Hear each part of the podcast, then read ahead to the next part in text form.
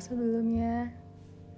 Kembali lagi dengan Daily of Adam Show ya dan di sini aku mau menceritakan betapa baiknya Tuhan itu di dalam hidupku. Betapa baiknya Tuhan itu oh dia sungguh baik. Dia sangat baik teramat baik. Kayak aku speechless gak bisa berkata apa-apa lagi oleh karena kebaikannya Tuhan dan aku beruntung sekali.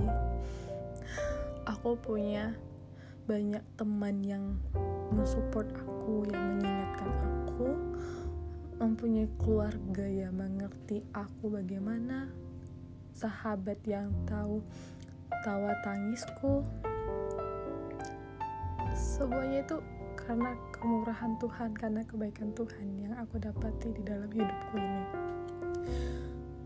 Maybe soal percintaanku gak semulus percintaan orang lain pada umumnya tapi Tuhan itu menunjukkan berbagai cara kayak menyatakan bahwa kamu tuh gak pantas kamu tuh gak kamu dapat lebih layak lebih yang dari kamu pikirkan.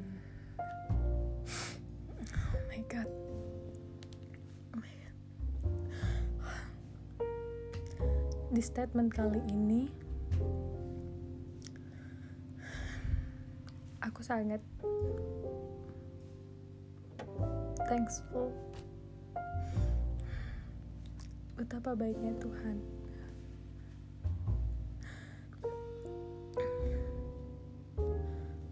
uh, maaf kali ini aku nge-recordnya tanpa skrip lagi karena pengen aja gitu menceritakan apa yang terjadi apa yang baru saja aku ketahui.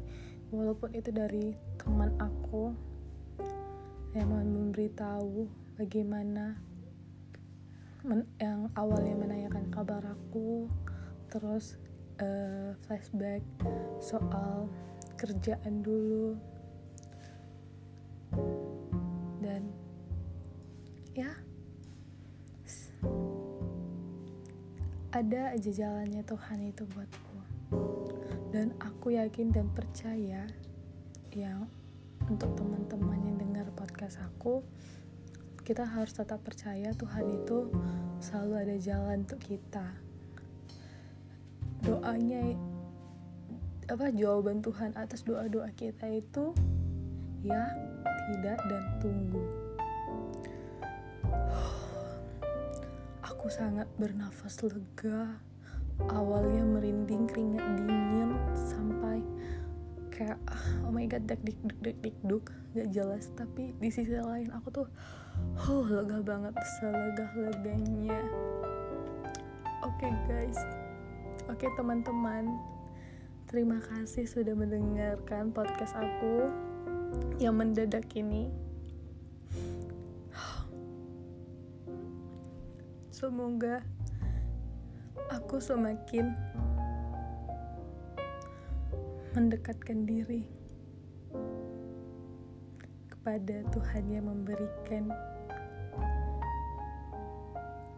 perbuatan-perbuatannya yang ajaib di dalam hidupku. Amin. I love you guys.